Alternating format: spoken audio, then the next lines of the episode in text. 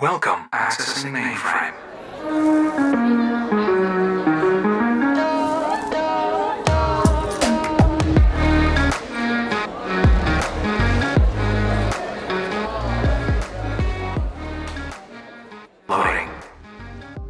This morning, the worst violence in years between Israelis and Palestinians is intensifying. Israel's military attacked new targets in Gaza, the Palestinian territory where militants are firing hundreds of rockets into Israel. And in the Israeli occupied West Bank, Palestinian protesters fought with police. Hej alle sammen, og hjertelig velkommen tilbage til Future Loading. I dag så har vi en meget speciel gæst og en meget speciel episode, både fordi at det er vores 10. episode, hvor vi kommer til at snakke om Israel-Palæstina-konflikten. Og vi har fået besøg af Uffe Albæk. Ah, tak skal du have. Tusind tak, fordi du vil komme. Selvfølgelig. Kan du prøve at fortælle lidt om dig selv? Tror jeg nok langt de fleste kender dig, men Ja, ja, øh, måske jeg, alligevel. Jeg, jeg sidder inde i øh, Folketinget og repræsenterer i dag øh, Frie Grønne. Der er nok mange unge, der husker mig for at starte Alternativet, men øh, der er en gruppe af os, der valgte at, at forlade partiet og starte et nyt parti, der hedder Fri Grønne. Så det er der, jeg er lige nu. Men, men jeg er jo en gammel mand for pokker, så jeg har lavet rigtig, rigtig meget, inden jeg kom ind i Folketinget. Øh, jeg arbejdede med unge og startede way back, da jeg selv var ung, en ungdomsorganisation, der hed Frontløberne, som stadigvæk eksisterer over i Aarhus, og den skal folk virkelig gå ind og tjekke ud. Det skal I også, jer gæster, eller væ- værter, fordi at, øh, det er altså virkelig et cool ungdomsmiljø, og det er det, det, er det stadigvæk. Øh, og så øh, startede jeg den uddannelse, der hedder Kaospiloterne, og var rektor der i 15 år, inden at jeg blev bedt om at komme til København og være noget så fornemt som direktør for en stor LGBT-begivenhed i København i 2009, der hed World Out Games, som satte sådan LGBT-rettigheder og ja, menneskerettigheder, men primært i forhold til LGBT-borgere på dagsordenen. Ikke? Øh, nå, jeg, I al den der periode, der har jeg også været politiker, enten som aktivist, eller jeg har også siddet i Aarhus Byråd, og da jeg kom til København, så stillede jeg op for, øh, til folketingsvalget og kom ind i 2011 og blev udpeget som kulturminister. Øh, Så man kan sige, at jeg har gået fra at være ung, vild aktivist way back, og så hele vejen op til at blive kulturminister, og så nu øh, sidder og repræsenterer Fri Grønne. Det er lidt af det hele, du har prøvet, må man sige. Ja, det, ja det, det må man sige. Altså, både på den ene og den anden måde har jeg prøvet lidt af hvert. Men det hele har handlet om frihed. Og det tror jeg også, det her tema, det handler om. ja helt klart. Indirekte. Jo, jeg har også i dag, jeg har ikke stiftet nogen partier, men... Det kan jeg, komme. Ja. Det kan komme. ja, som sagt, så skal vi tale lidt om Israel-Palæstina, fordi at det er et meget relevant emne, fordi at der her på det seneste har, eller det er svært at sige, der har været problemer i rigtig mange år efterhånden, Mm. men der har i hvert fald været en grund til, at man har sat lidt ekstra fokus på konflikten dernede. Og det ved jeg ikke, om vi lige skal gå ind i til at starte med. Hvis der er nogen af jer lytter derude, der har nogle spørgsmål til os, og måske særligt uh, Uffe Elbæk, som jo er lidt ekspert, kan man nærmest sige, uh, inden for det her område, så er I velkommen til at skrive ind på uh, vores Instagram på futureloading.podcast uh, og stille jer spørgsmål der. Skal vi starte ud med at spørge lidt ind til din sådan personlige holdning til konflikten? Mm. Hvor står du? Fordi at det er jo ikke sikkert, at, at man alle sammen er enige i det ene. Mm. eller det andet. Så hvis du måske lige vil starte med at komme med sådan din personlige holdning. Ja, øh, det vil jeg meget gerne. Og jeg vil også sige, at jeg har bevæget mig fra, og da jeg var på jeres alder, og det er jo som sagt rigtig, rigtig mange år siden, ikke? men da jeg var på jeres alder, så var forbandt jeg Israel med noget godt og progressivt. Øh, jeg havde selv lyst til at komme ned og opleve det at være i kibbutz, øh, som er sådan en bestemt kollektiv boform dernede. Altså jeg tænkte, det lød sgu for fedt, altså. Øh, og jeg tror også, at jeg var meget præget af hele den undertrykkelse, som jøderne jo har været udsat for i århundreder, og ikke mindst den redsel, jøderne var igennem øh, i forbindelse med 2. verdenskrig. Så der, jeg havde sådan rigtig mange positive følelser og holdninger til Israel, og min egen logik var, at jeg kunne godt forstå, hvorfor de havde lyst til at få deres egen stat, hvor de kunne være i sikkerhed, fordi at de, hvis man kigger ind i den sådan jødiske historie, så har jøderne altid blevet marginaliseret og udsat for følelse øh, igen og igen. Så jeg bevægede mig fra at have et meget, meget positivt billede og forstå behovet for en, øh, en jødisk stat. Så mange år, årtier senere, så står jeg med et andet, meget andet perspektiv. Og hvorfor gør jeg det? Det, det gør jeg, fordi at, og det er selvfølgelig ikke noget, man bare lige, altså det er fordi, jeg er sådan lidt nørdet, øh, og har det her som et emne, ikke? Men, men det, der jo sker op igennem den øh, sidste år, øh, århundrede, var jo, at det var britterne, som var ansvarlige for det område, der hed Palæstina. Og det vil sige, lige som at, og det var sådan en rest af hele det engelske imperie, og hvor England så havde nogle forskellige steder i verden, som de sådan et eller andet sted var ansvarlige for. Hongkong kunne være et andet eksempel, ikke? Men, øh, men de var også ansvarlige øh, og, og styrede det område, som i dag er Israel og Vestbreden og Gaza. Men efter 2. verdenskrig i 48, så givetvis en blanding igen af dårlig samvittighed fra rigtig, rigtig mange øh, lande, så siger man, at ja, vi accepterer, at øh, der nu bliver lavet en, en stat, der hedder Israel. Det har der været masser af jøder, der har arbejdet på i 100, altså over 100 år, øh, har arbejdet på at få en jødestat, men i 1948 så bliver den her stat dannet. Og øh, i starten så fylder staten Israel ikke ret meget.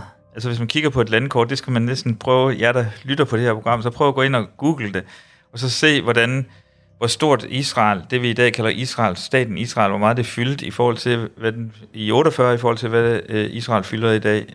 Så sker der det, at øh, i 67, der bliver der krig imellem Israel og så Syrien og Jordan og Ægypten. Og det er der, konflikten virkelig starter. Fordi at øh, Israel besætter, øh, de vinder krigen, og de besætter nogle store øh, landområder, som ikke lå inden for Israels grænser, men ligger uden for Israels grænser. Og det, de områder, det er Vestbreden, og det er det, der hedder Gaza. Og så sidenhen, så har man jo skulle blive enige om, jamen den der besættelse, den må jo høre op på et tidspunkt. Fordi det er simpelthen ulovligt at blive ved med at have besat et land. Øh, så der er noget, der hedder folkeretten, og det lyder også lidt nørdet, men øh, der er en, en, nogle aftaleregler, kan man sige, øh, omkring krig. Hvad må en øh, krigsførende magt gøre i forhold til de områder, en, en vindende magt øh, besætter? Øh, hvordan skal befolkningen inde i det område øh, behandles? Øh, ligesom som Danmark var besat af tyskerne. Hvad, hvad, hvad, hvad er der for nogle regler, øh, krigen skal øh, køre efter? Ikke? Og øh, der har så været forhandlinger uafbrudt lige siden 67, hvor man har forsøgt at, at finde en, øh, en løsning, som på den ene side respekterede, at øh, staten Israel i dag eksisterer, og samtidig respekterer befolkningen i de besatte områder. Der, hvor diskussionen har stået de sidste mange år, det var, at man bakker op om en FN-anbefaling, der hedder, at øh, man har det, der hedder sådan to-stats-princip, at man øh, både skal etablere altså anerkende Israels ret til at eksistere, men også, at der bliver skabt en øh, palæstinensisk stat. Og det lyder rigtig, rigtig godt på papiret. Problemet er så bare, at det Israel har gjort igen og igen, det er, at øh, de har flyttet det, der hedder bosætter. altså simpelthen etableret nye byer inde i de besatte områder, hvilket er totalt i strid med folkeretten. Det må man simpelthen ikke. Men Israel har øh, igen og igen flyttet borgere fra Israel ind i de besatte byer etableret det, der hedder bosættelser. Og øh, FN har igen og igen og igen hvad hedder det, sagt, det her det er et brud på aftalen, det er ikke i orden, bla bla bla bla. Men Israel er blevet ved med det. Så det, man skal forestille sig, det er hele det stykke, der hedder Vestbreden, som går fra Israel og så hele vejen ned til Jordanfloden. Det er efterhånden som en hullet ost, fordi at der er simpelthen flyttet så mange jøder ind, israelske borgere ind på Vestbreden og etableret de her byer. Og det Israel så har gjort, det er, at de har øh, lavet forskelsbehandling mellem de bosættere og så den oprindelige befolkning. Bosætterne får alle muligheder for veje der til vand, el, øh, alt hvad der overhovedet kan understøtte et godt liv i de her nye små byer. Hvorimod at palæstinensernes liv er blevet forringet igen og igen og besværligt gjort uafbrudt. Det nærmeste, man kan overhovedet beskrive den situation, der er apartheid. Øh, og øh, det er ikke bare mig, der siger det. Det siger alle de sådan toneangivende uh, human rights uh, organisationer, NGO'er, i dag, det er det eneste, man kan sige i dag, det er, at Israel er et apartheid-land, uh, og at det er apartheid, det der foregår i de besatte, besatte uh, områder. Så til den helt konkrete konflikt. Så de fleste har nok set tv og set uh, Hamas skyde raketter ind over Israel, og det hele har stået på, men jamen, er det så ikke retfærdigt, at øh, Israel forsvarer sig, når Hamas gør det, og bla bla bla bla. Jo, det er ikke i orden at sende raketter afsted. Men det, man skal huske i den her diskussion, det er, at det er to meget ulige positioner, henholdsvis de besatte områder og Israel. Israel er besættelsesmagt, de palæstinensiske borgere er en besat befolkning. Og øh, som vi så har set på tv med de der forfærdelige bumpninger øh, fra Israels side, det var, at øh, man øh, forsøgte at presse øh, palæstinenser ud af det, der hedder Øst-Jerusalem. Og det startede faktisk med, at, at hvad hedder det, mennesker, der har boet i huse, deres huse og lejligheder igennem en menneskealder og i generationer, blev presset ud af øh, jødiske borgere. Og der starter konflikten. Så det er en ongoing konflikt, og derfor de fleste, de kan næsten ikke overskue, hvad der er op og ned, og øh, øh, hvordan man sådan skal, skal håndtere det. Så det er en meget, meget, meget, meget lang konflikt. Mm. Uløselig konflikt næsten. Ja. Jeg tænker noget af det, du sagde i starten med, at du faktisk startede med at være sådan lidt, og men Israel er det egentlig meget fedt, og jeg kan da godt forstå, hvor de kommer fra og så videre, hvor du så har skiftet til der, hvor du står i dag med at være pro-Palæstina. Ja. Det tror jeg også bare er virkelig vigtigt at anerkende, at man godt kan have et udgangspunkt, som man ikke nødvendigvis er enig med længere. Fordi at man skal ikke have den der guilt trip, hvis man har troet på et eller andet, fordi man ligesom ikke har vidst bedre. Giver det mening? Fuldstændig, fuldstændig. Og, at man og, får mulighed for at udvikle sig og få nye perspektiver og, og lære, og så ændre sin holdning. Lige nøjagtigt. Og det, der virkelig gjorde en kæmpe indtryk på mig, det var, at jeg besøgte Vestbreden og så de, altså de levevilkår, som øh, de palæstinensiske borgere har i forhold til bosætterne. Mm. Altså, så, hvis man først har været dernede og set den urimelighed direkte i øjnene, ikke? Så, så er man ikke i tvivl om, hvad der sker, vel? Betyder det så, at øh, alle palæstinenserne er good guys? Nej, det er det ikke. Der foregår masser af korruption i de politiske organisationer, der er, i, i både på Vestbreden og på Gaza-striben. Men det ændrer bare ikke ved, at Israel er besættelsesmagt og en kæmpe, kæmpe militærmagt. Og de andre, altså de, øh, altså de palæstinensiske øh, borgere, de har nogle urimelige, forfærdelige levevilkår. Og, og spe, specifikt i, i forhold til Gazastriben, så skal jer, der lytter på det her program, forestille jer, at øh, på et område, der er mindre end Langeland, der bor der to millioner mennesker, hvis jeg ikke husker tallene forkert, i et åbent fængsel, hvor de ikke kan rejse ud. Øh, de kan ikke bestemme, om, om der kan komme mad ind og ud. Det er et åbent fængsel. Og, og altså prøv at forestille sig, hvis man var en ung på jeres alder, og fuldstændig være fratrædet alt håb for en bedre fremtid, fordi du lever i et åbent fængsel. Altså, hvad gør man så? Så bliver man desperat. Og når desperate mennesker så forsøger alligevel at skabe mening omkring det at være, have mistet håbet, jamen så prøver de at, at finde håb selv de mest vilde steder. Altså i det her tilfælde eksempelvis Hamas, fordi at de så Hamas i det mindste gør noget.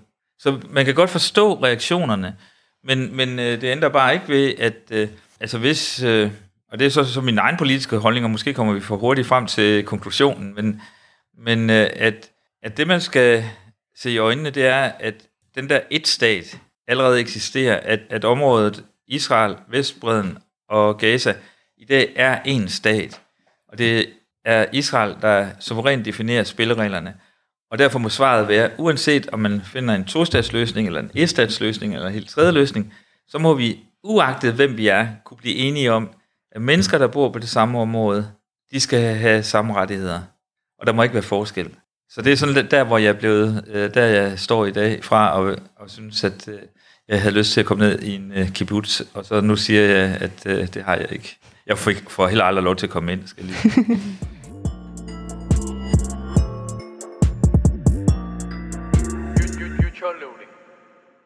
Øhm, jeg tænker, nu talte du lidt om løsninger, og at det er en selvfølge, at de her mennesker skal have samme rettigheder for at bo i samme land. Men jeg tænker, det vil ikke nødvendigvis en selvfølge for alle, fordi ellers vil den her konflikt ikke ligesom være her. Du talte selv tidligere om det her med en tostatsløsning, og FN de lavede jo den her delingsplan i 1947, hvor de var sådan, jamen øh, jøderne de får de her 55 procent, ja. og Palæstina får 44 procent. Men det sagde palæstinenserne så nej til, fordi de opgjorde 70 procent af befolkningen. Ja. Og så kunne de ikke se, hvordan det var fair, at der ligesom ja. blev lavet sådan en. Men det er jo ikke første gang, man har forsøgt på en løsning. Ej.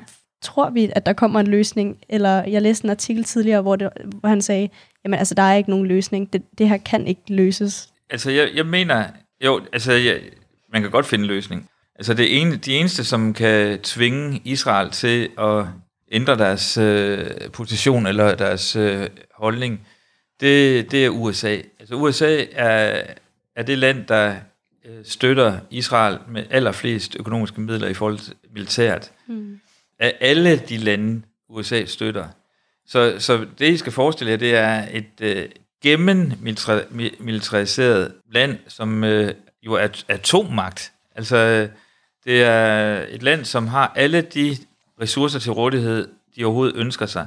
Og øh, hvis man kigger ned over selve forhandlingsforløbet, det er de færreste, der gør det, øh, selv jeg synes, det bliver for nørdet, så kan man se, at de eneste gange, hvor Israel har rykket sig i forhold til deres øh, position, det er, når USA truer med at lave restriktioner, altså enten boykot eller ikke, øh, hvad hedder det, økonomisk øh, støtte øh, Israel. Det er de eneste gange, øh, hvor Israel har sagt, okay, så bliver vi nødt til at, at, at rykke på, hvad vi mener. Så det er også derfor, at vi i Frie Grønne siger, at øh, som situationen er i dag, så bliver man nødt til at boykotte Israel. Det, det, det er jo fuldstændig ligegyldigt, hvad Frie Grønne mener. Men, men hvis øh, der var rigtig mange lande, der blev enige om at boykotte Israel, så, så kunne man måske øh, skabe en, øh, ja, et nyt scenarie. Personligt så tror jeg, at den eneste vej frem det er i dag, hvilket er meget kontroversielt, og det, jeg tror, vi er det eneste inde i Folketinget, der har den position lige for øjeblikket, det er at sige, at løsningen det er en, en, øh, en demokratisk øh, stat, der hedder Israel. Og demokratisk betyder, at alle borgere i det samme område har samme rettigheder. Vil Israel, Israel være med til det? De vil kæmpe herfra, og så til vi falder besvimet om, for aldrig at nå derhen. Og hvorfor? Fordi hvis man accepterer en demokratisk stat, hvor alle har lige rettigheder, så vil øh, den jødiske del af befolkningen komme i mindretal, fordi der er flere palæstinensiske borgere.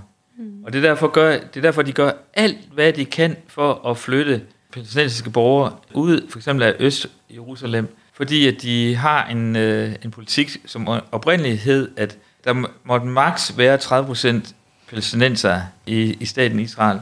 Så øh, 30% palæstinenser og 70% jøder. Og derfor forsøger de hele tiden at skabe en situation, hvor hvor der er et flertal af, af jødiske borgere øh, i forhold til palæstinensiske borgere. Mm. Jeg tænker i forhold til, nu kommer du lidt ind på det her med USA's støtte til ja. øh, staten Israel, i forhold til for eksempel Donald Trump, han erklærede jo for eksempel i, jeg tror det var 2017, øh, Jerusalem som øh, Israels hovedstad, og Jerusalem er jo en meget sådan internationalt mm. betydningsfuld hovedstad for mange forskellige samfundsgrupper. Ja. Så jeg tænker, hvad er, hvad er sådan din umiddelbare holdning til det, at man erklærer Jerusalem som Jamen det, det er dybt problematisk. Det er dybt problematisk. Ikke? Altså det Trump gjorde, ikke? det var, at han understøtter øh, Israels ambitioner om at og, hvad hedder det, ja, smide palæstinenserne ud. Ikke? Mm. Altså for at sige det meget firkantet. Igen skal man huske, og jer der lytter på det her, skal huske på, at, at der er mange forskellige stemmer i Israel. Der er også øh, progressive jøder, der har en helt anden, anden øh, holdning end, den, end regeringen i Israel. Det er og, og, og, og, jeg, jeg, og det er også vigtigt for mig at sige, at når jeg øh, siger boykot Israel, så er det staten Israel, og det er regeringen Israel. Det er jo ikke befolkningen. Øh, fordi at befolkningen består af mange forskellige holdninger, og, og, og der, der er absolut meget progressive jødiske kræfter i Israel, som øh, i den grad arbejder tæt sammen med progressive øh, palæstinensiske organisationer. Det er bare for at nuancere billedet, så man mm. ikke laver unødige fjendebilleder. Øh, Helt sikkert. Øh, fordi at, at det er så følsomt, det her. Øh, og det er det selv i Danmark er det meget følsomt. Ikke? Altså fordi at, at vi har palæstinensiske borgere i Danmark, som har familie nede på Vestbreden og i Gaza, og når de kan se på tv, at deres øh, familie, deres slægtninges øh, boligkvarterer bliver bumpet og sådan noget, ikke? så det er klart, at man bliver rasende, og hvor, hvor skal man placere det, det raseri og det had henne, ikke? Øh, men jeg siger bare, at vi skal passe på ikke at, at, at lave unødige fjendebilleder. Men, men tilbage til dig og dit spørgsmål omkring Trump, ikke? Altså, det var helt bevidst. Og det han gjorde, det var at flytte øh, den amerikanske ambassade fra Tel Aviv øh, til Jerusalem. Ikke? Og nu er det så spændende at se, om Biden, den nye amerikanske præsident, om han vil flytte den tilbage til Tel Aviv, eller, eller han lader ambassaden blive. Jeg tror, i forhold til det, du sagde med ligesom at skabe unødvendige fjender, der gik et klip viralt på Instagram i hvert fald. Jeg ved ikke, om I har set det. Men det er så en øh, israelisk side, som er pro-israelisk stat, og så nogle palæstinenser. Og så er der en gruppe af israeliske jøder, som går over til palæstinenserne, og så bliver de bare svinet til, at de her israeler, okay, de bliver kaldt forrædere, og hvorfor tager de deres side? Og jeg tror bare, at det virkelig er vigtigt, at man får videoer af det ud i verden til at understøtte, at det er staten, der er problemet, Ja, og ikke nødvendigvis folket. Ja, lige nøjagtigt. Altså, så, så skal man så alligevel også sige, at øh, desværre så er der alt for mange af de borgerne i Israel, som øh, er meget højorienterede, desværre. Og derfor, hvis man skal have et mere nuanceret billede på altså, jødernes position som sådan, så skulle man prøve at kigge til USA, og så se, hvad der sker lige i øjeblikket i USA, hvor, hvor både det demokratiske parti, øh, deres øh, sådan progressiv fløj, virkelig bakker op om Palæstina, og det gør også store progressive jødiske organisationer i USA bakker op om, øh, om øh, de palæstinensiske borgere. Men internt i Israel, så er der desværre et markant flertal, som er enige med regeringens politik. Og jeg, jeg har forsøgt sådan at, at snakke med folk, der har endnu mere forstand på det end mig. Hvorfor er det, at jøderne, som jo har været igennem alle de her grusomheder, så et eller andet sted nærmest laver en spejling Mm. af det samme, ikke? Og øh, det, det skrev jeg en klumme om på noget, der hedder solidaritet.dk, hvilket gjorde, at der var nogen, der blev meget, meget sure på mig, og synes at jeg sagde, at øh, fordi man var jøde, så skulle man have en særlig fin moral, fordi man havde været udsat for stor sådan undertrykkelse tidligere i historien. Og der, der var mit svar bare, at nej, altså der er ikke nogen, er ikke tale fortaler for, at en hel befolkningsgruppe skal føle et kollektivt ansvar. Altså det, det kan man ikke lægge ned over et folk. Altså det svarer som, altså alle i Tyskland var ansvarlige for Hitler. Nej, altså, nej det, altså sådan er det ikke. Men derfor kan man jo godt have lært noget af sin egen historie. Og så sagde man, men så hvordan kan det hænge sammen? Altså hvordan kan et folk, der har, har, været, har været udsat for så stor forfølgelse igennem altså århundreder, så dybest set lave den samme forfølgelse over for et andet mindretal. Hvordan i alverden hænger det sammen psykologisk? Så var der en, der kom med sådan en forklaringsnøgle til mig, fordi vedkommende sagde, den psykologi, mange af de her mennesker har taget med til Israel, det var, at de var forfulgte. Altså, de, de tog en individuel angst med sig til Israel, og den individuelle psykologi har de gjort til statens psykologi. Og det vil sige, at staten Israel, uagtet at det er en atommagt og den stærkeste militærmagt i området, føler, at de skal være bange. Os, der bor i Danmark, vi kender Pippi Langstrømpe, og vi ved, hvad Pippi Langstrømpe siger. Hun siger, at hvis man er meget stærk, så skal man være sød. Mm. Ikke? Og det, det kunne Israel jo godt have øh, sagt. Vi er, vi er den mest rige nation i området. Vi er den mest militært stærke stat i området. Så skal vi særligt påpasselige med at være søde. Men fordi de har taget den der individuelle psykologi ind i statens psykologi, så reagerer de emotionelt på en, i min optik, uklog måde, Mm. hvis I kan følge mig. Jo, helt ja. sikkert. Jeg tror også, ja, det er ligesom for at sætte lidt forståelse ind i, hvorfor de reagerer, som de gør. Ja, Jeg tror, for at komme med et eksempel af en art, hvis man tænker på et barn, som bliver slået af deres forældre, så når de selv bliver forældre, så har de enten den mulighed, at de vil aldrig selv have, at deres børn bliver udsat for Ja. det, eller også er det det eneste, de kender til, og så går det videre til Ja. deres børn. det er et meget godt billede. Og det er jo klart, at det ikke er så sort på hvidt, Nej, nej, nej, men, det et men at det billede. ligesom er en, er en forklaring på, at hvis det er alt, man kender til, og hvis det er det, man har oplevet, at det er det eneste, man kan give videre. Men som sagt, så er der også ligesom en, en på den anden side at man kender det så godt til det, at man ikke vil sørge for, at nogen oplever det samme. Lige nøjagtigt. Så jeg tror ligesom, det er enten eller, Ja. at det er det eneste, man kender til, og det er det eneste, man kan give videre. Men Eller- det, er bare, det, det er bare et problem, så når man også er en atommagt, ikke? Fuldstændig. Og det er jo klart, det, at er jo det, andre at det ikke, man har jo at spille på. Helt sikkert, og det er jo Ja. helt klart, at det ikke er en løsning. Ja. Men, men jeg synes også, det er vigtigt, at vi siger, okay, men hvor, hvor kommer det fra? Det kommer Ja. jo ikke af ingenting, at, at, at de har det her behov. Og ligesom at kunne sætte sig i de andre sted i en konflikt, tror jeg også er virkelig, virkelig vigtigt. Ja.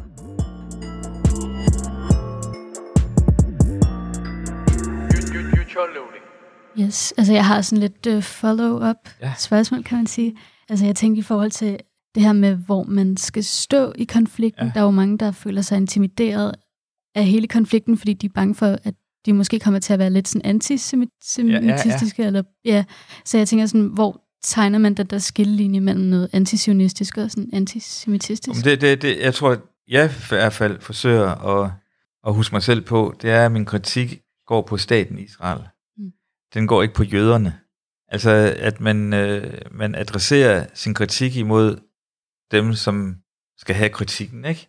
Og så øh, synes jeg også, at øh, altså det, det kunne være en opfordring til det palæstinensiske miljø i Danmark, og så sige til palæstinenserne i Danmark, hvordan undgår vi, at vi ikke gentager det samme konfliktmønster i Danmark som i, i Israel og på Vestbreden. Altså, hvordan kan, hvordan kan progressive kræfter i det palæstinensiske miljø i Danmark snakke med progressive kræfter i det jødiske miljø i Danmark? Sådan så, at vi herhjemme tager vores egen medicin, og, og hvad hedder det, prøver at bygge bro, øh, og finde ud af, øh, hvad, hvad kunne være en farbar vej til, til konflikten dernede, men jo også til konflikten herhjemme. Altså, fordi at jeg kender jo mange folk, som støtter Palæstina og Palæstina-aktivister, og der er også mange muslimske borgere, som af gode grunde har mange følelser i klemme, fordi at de kender igen familiemedlemmer eller bekendt eller venner i, øh, i, i området og bliver af gode grunde emotionelt berørte. Men hvordan kan vi prøve at holde hovedet koldt og hjertet varmt herhjemme?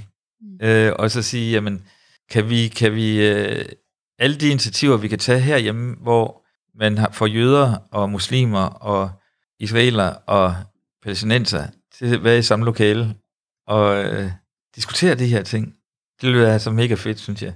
Ja, 100 procent. Altså, det er også rigtig vigtigt, at man ligesom øhm, pointerer, at det ikke er en religiøs konflikt. Ja. Altså, der er jo rigtig mange mennesker, har, der har den fordom om, at det er sådan noget islam versus jødedom, og det Ja. er det bare ikke. Altså, det er sådan udelukkende noget med nationalitet at gøre. Ja. Så ja, jeg tror, folk, der sådan føler sig intimideret, fordi de tror, de kommer til at sige noget antisemitistisk eller noget islamofobisk. Jo, det, det, det, og, og, det, og ja. det, det er jeg jo også blevet anklaget for. Ja. Altså igen og igen, ikke? Altså, øh, og der må jeg bare sige spejl. Altså, øh, det, det, det er ved Gud ikke det, jeg har gang i. Det, jeg har gang i, det er menneskerettigheder. Altså, det, jeg har gang i, det er, at øh, mennesker, have, altså, der bor på det samme område, skal have lige rettigheder. Mm. Demokrati og, og mulighed for at leve et godt liv. Og, og dem, som begrænser det, dem, øh, dem er jeg kritisk overfor. Yes. Og, og det sjove er jo i hele diskussionen omkring, hvis man begynder at blande religion ind, det er jo altid et farligt spørgsmål. Men, øh, men hvis man gør det, så er det jo ret interessant, at de to religioner, der ligner hinanden mest og har samme mest rødder, fælles rødder, det er jøder og muslimer. Mm. Det, det tror jeg ikke, at øh, folk rigtig ved. Nej, det tror jeg ikke. Øh, men, men det er jo faktisk, altså, altså nærmest en til en har, det, har, har muslimer og jøder den samme religiøse historiske baggrund, ikke? Øh, i forhold til kristne. Altså der er et brud jo.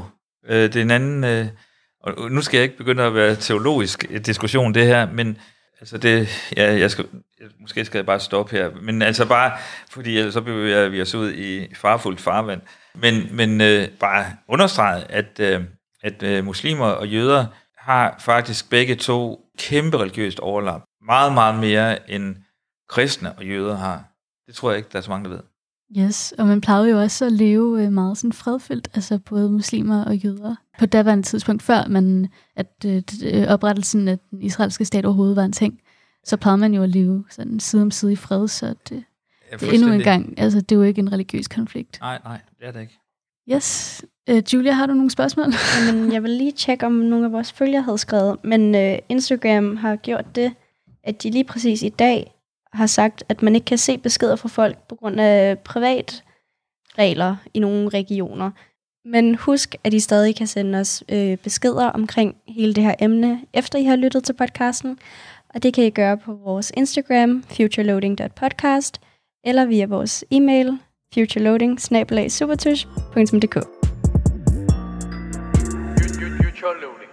Jeg tænkte på noget omkring Pernille Vermund. Hun har jo lagt sådan opslag op for nogle uger siden, hvor hun sådan passerer med et israelsk flag. Og så tænkte jeg, hvis du måske kunne knytte en kommentar til det. Bliver det sådan lidt kontroversielt? Uh, nej, det ved jeg ikke, om det gør, men altså, det overrasker mig da overhovedet ikke. Altså, altså det, er, det er jo hendes position, og det må hun jo så gøre, ikke? Altså lige sådan som jeg laver øh, opslag, hvor jeg hylder Gaza Grill på Sankt Hans Torv, og synes, det er det bedste sted at spise øh, palæstinensisk mad. Jeg kan anbefale alle, der hører det her, til at tjekke Gaza Grill ud. Øh, sådan, sådan er vi jo som politikere. Vi, vi, øh, vi har jo forskellige holdninger, og hun har jo ret til at, at vifte, med, vifte med det israelske flag. Øh, fred med det, altså. Det har hun ret til. Det har hun mulighed for, heldigvis. Jeg forstår slet ikke, at hun synes, det er fedt at gøre det, men, men øh, jeg synes, det er så ucool, som øh, det overhovedet kan være. Men, men øh, fred med det. Jeg har også lige et spørgsmål, fordi at, ja, nu fik vi lige lidt over på dansk side, fordi hvilken rolle spiller Danmark egentlig i den her konflikt? Fordi jeg synes, vi er gode til at ligesom, og men det er også bare USA, der giver dem for mange penge, og det, ja. altså, men hvad med os? Hvad kan vi ligesom gøre, og hvordan spiller vi en rolle? Jamen altså, jeg synes slet ikke, vi spiller en øh, stærk nok rolle. Altså, jeg, jeg synes jo, at øh, regeringen øh, burde jo turde tage det ord i sin mund, at øh, vi snakker om øh, apartheid-regering, eller øh, regime i Israel.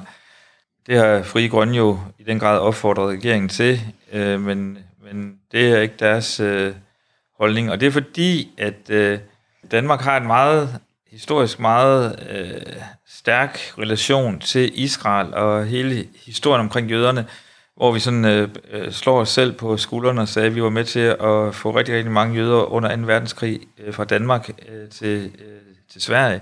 Så der er en meget, meget stærk emotionel øh, jeg sige, bånd mellem øh, staten Danmark og staten Israel. Men jeg synes, øh, hvis det stod til mig, øh, så skulle øh, Danmark øh, have mod til at sige, at øh, sådan som tingene har udviklet sig i Israel øh, og på de, i de besatte områder, så snakker vi om, om et apartheid-regime. Og så skulle man sige lige derefter, at øh, det, der kendetegner hele det geografiske område fra Middelhavet og så til Jordanfloden, det er, at det er en et-stat, der, og det er Israel, der styrer og bestemmer alt, hvad der foregår i det her område. Og hvis det er en et-stat, så må det næste krav være lige rettigheder øh, for alle borgere. Øh, det vil jeg synes ville være den øh, kloge øh, position for Danmark. Det har Danmark ikke haft lyst til øh, af alle mulige grunde. Dels vores relation til USA, dels vores relation til, til, til Israel, dels øh, også selvfølgelig, at øh, vi er forpligtet af, af FN-aftaler og EU-aftaler. Øh, men, men jeg synes, tiden er til at se virkeligheden i øjnene og tage en anden position. Og det mest interessante, det var, at vi havde en hæftig debat i Folketingssalen her for nylig. Der sker faktisk meget interessant i Christiansborg. Jeg kan, jeg kan anbefale jer nogle gange at, at lytte til, hvad der foregår derinde. Men øh, et par dage efter den debat, så gik Irland faktisk ud, og som det første EU-land, og talte om apartheid.